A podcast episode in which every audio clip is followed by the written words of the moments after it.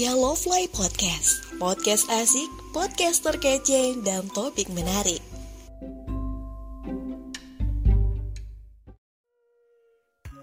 Halo teman-teman, kenalin aku Dian. Selama 7 menit ini kita akan bahas tentang Yuda Candu. Kayak puitis amat ya. Jadi, Yuda itu sinonim dari kata perang. Dan candu itu sinonim dari kata narkoba. Ini dicari sinonimnya biar kita bisa tahu lebih luas mengenai sapaan untuk zat adiktif yang emang bikin candu ini. Hmm, by the way, pendengar yang senantiasa berbahaya, eh berbahagia, tadi pas aku mendalami tentang peperangan melawan narkoba, peperangan yang tak kasat mata, menjakiti kaum yang sejatinya tidak disangka-sangka menjadi musuh bersama, menambah daftar panjang PR tugas negara. Tahukah kita kenapa ya narkoba ini harus diperangi? Pertama-tama kita harus tahu bahwa pada tahun 2020 ada 830 total kasus yang ditangani oleh Badan Narkotika Nasional Republik Indonesia. Ya, ini memang menurun dari tahun 2019 lalu yang mencapai 951 kasus.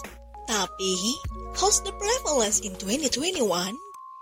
Kemudian, berdasarkan artikel War of Drugs yang diterbitkan oleh Badan Narkotika Nasional Sumatera Selatan, kerugian material akibat candu ini diperkirakan mencapai 63 triliun per tahun yang mencakup belanja narkoba, barang yang dicuri untuk membeli narkoba, biaya pengobatan, dan biaya rehabilitasi. Ini di luar biaya makan sama biaya token listrik para pecandu ya. luar biasa bukan? Itu baru kerugian material. Sedangkan untuk penggunanya sendiri, candu ini bisa menyebabkan kekurangan cairan yang jika terus-menerus terjadi, tubuh akan kejang-kejang. Muncul halusinasi, perilaku lebih agresif, dan rasa sesak di bagian dada. Jangka panjang dari dampak dehidrasi ini dapat menyebabkan kerusakan pada otak dan efek fatalnya dapat menyebabkan kematian. Tentu ini sangat bertolak belakang bagi motivasi para pecandu yang niat mencobanya hanya untuk menghilangkan stres dan hidup bahagia. Nyatanya malah bahagia sementara sengsara selamanya. Itulah alasannya mereka, baik penyalahgunaan narkoba dan pelakunya sangat merugikan negara. By the way, apa semua zat narkotik dilarang untuk digunakan bebas? Jawabannya ya. Baik dari golongan satu seperti ganja dan opium, Golongan dua seperti morfin, keduanya sama-sama menyebabkan efek ketergantungan yang tinggi. Ada juga golongan tiga seperti kodein yang golongan ini hanya diperbolehkan untuk pengobatan medis. Bahkan yang diperbolehkan hanya untuk tujuan medis, hanya untuk pasien tertentu. Kamu belum tentu. Maksudnya, belum tentu sakit separah mereka yang akhirnya diberi narkotika sebagai obat bius. Lalu, gimana ya cara memerangi narkoba? Seperti judul podcast kali ini, kita akan membahas tiga tips joda candu yang bisa kita lakukan dimulai dari diri sendiri dan lingkungan. Simak sampai selesai ya. Yang pertama, yuk memahami, yaitu memahami dampak buruk dari penyalahgunaan narkoba. Tadi kita sudah membahas tentang dampak buruknya dan segala tentangnya. Selain itu, kita bisa mengajak para kaum milenial, kaum A, B, C, D, Z termasuk korban penyalahgunaan nafsa dengan memaksimalkan potensi mereka untuk mencegah penyalahgunaan narkoba, seperti pengadaan diskusi, kajian-kajian, serta penyuluhan dan bimbingan. Ini juga bisa menjadi contoh proyek untuk komunitas maupun organisasi masyarakat yang dijalankan dengan asas kemanusiaan. Atau mungkin tidak perlu jauh-jauh, Saling memberi edukasi antar teman sebangku atau ngopi dengan para guru sudah termasuk langkah awal dalam tahap yuk memahami ini. Drugs aja dipahami, apalagi kamu. Oh iya, kalau sudah sering membantu dan berkontribusi dalam kegiatan kajian diskusi ini, maka secara tidak langsung kita juga turut membantu tugas BNN dalam memberikan penyuluhan. Kan lumayan kalau misalnya BNN buka loker atau akhirnya kita diundang jadi pembicara. Rejeki nggak ada yang tahu. yang kedua adalah dampingi berkelanjutan. Mereka yang telah terjerumus dalam penyalahgunaan ini, maka jangan serta-merta dipisah dan dikucilkan.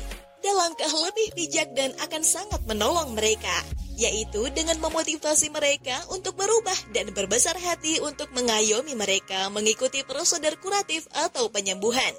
Seperti kita ketahui bahwa efek ini juga dapat menyebabkan kerusakan fisik dan mental pada pelaku. Bahkan, fakta menarik dari efek penyalahgunaan ini dapat menyebabkan efek retardasi atau penurunan mental dan emosional. Contohnya, seorang pecandu berusia 16 tahun saat ia pertama kali menggunakan narkoba. Dan saat ia berusia 26 tahun, ia berhenti menggunakan narkoba. Memang, secara fisik ia berusia 26 tahun, tapi sebenarnya usia mental dan emosionalnya adalah 16 tahun. Jadi ada 10 tahun yang hilang saat ia menggunakan narkoba. Ini juga sebabnya mengapa ia tidak memiliki pola pikir dan kestabilan emosi seperti layaknya orang-orang lain seusianya. Maka dari itu, ketika ada pendampingan secara berkelanjutan, maka kita telah menyelamatkan hidup mereka secara jangka panjang pula. Setelah tindakan penyembuhan, ada tindakan rehabilitasi, yaitu memperlakukan mereka secara wajar agar dapat kembali ke masyarakat dalam keadaan sehat jasmani dan rohani. Kita nggak boleh mengasingkan para korban narkoba yang sudah sadar dan bertaubat, supaya mereka tidak terjerumus kembali sebagai pecandu. Setelah mereka belajar tentang hidup, maka akan mudah menjadi teman hidup, tetangga hidup maksudnya. Yang terakhir adalah atasi candu dengan berantas. Nah, memberantas penyalahgunaan ini sudah diatur dalam undang-undang yaitu memberikan kewenangan kepada penegak hukum dan berdasarkan hukum. Tapi kita juga diminta untuk turut membantu operasional pemerintah, seperti tidak menghalang-halangi pemerintah untuk menangkap pelaku, saling bekerja sama, dan saling berkoordinasi. Seperti kita ketahui, BNN contohnya sudah sangat banyak membantu dan memediasi kegiatan masyarakat bahkan tidak hanya dalam lingkup drag saja. Yang tentunya kegiatan-kegiatan tersebut tidak akan berlangsung dengan baik kecuali dengan adanya koordinasi dengan masyarakat sekitar. Sekali lagi, War of Drugs adalah tugas bersama. Bukan lu siapa, kita siapa. Ingat, Penyalahgunaan narkoba sangat bisa berakibat fatal bagi pelaku dan sekitarnya. Hingga kini narkoba masih menjadi perang tak kasat mata bagi pemerintah dan akan terus ada dan bertambah jika kita merasa masa bodoh dan menghindari edukasi. Mari bersama memberantas penyalahgunaan narkoba. Sampai di sini podcast kali ini. Aku Dian undur diri. Mohon maaf bila ada salah kata. Sampai jumpa. Salam.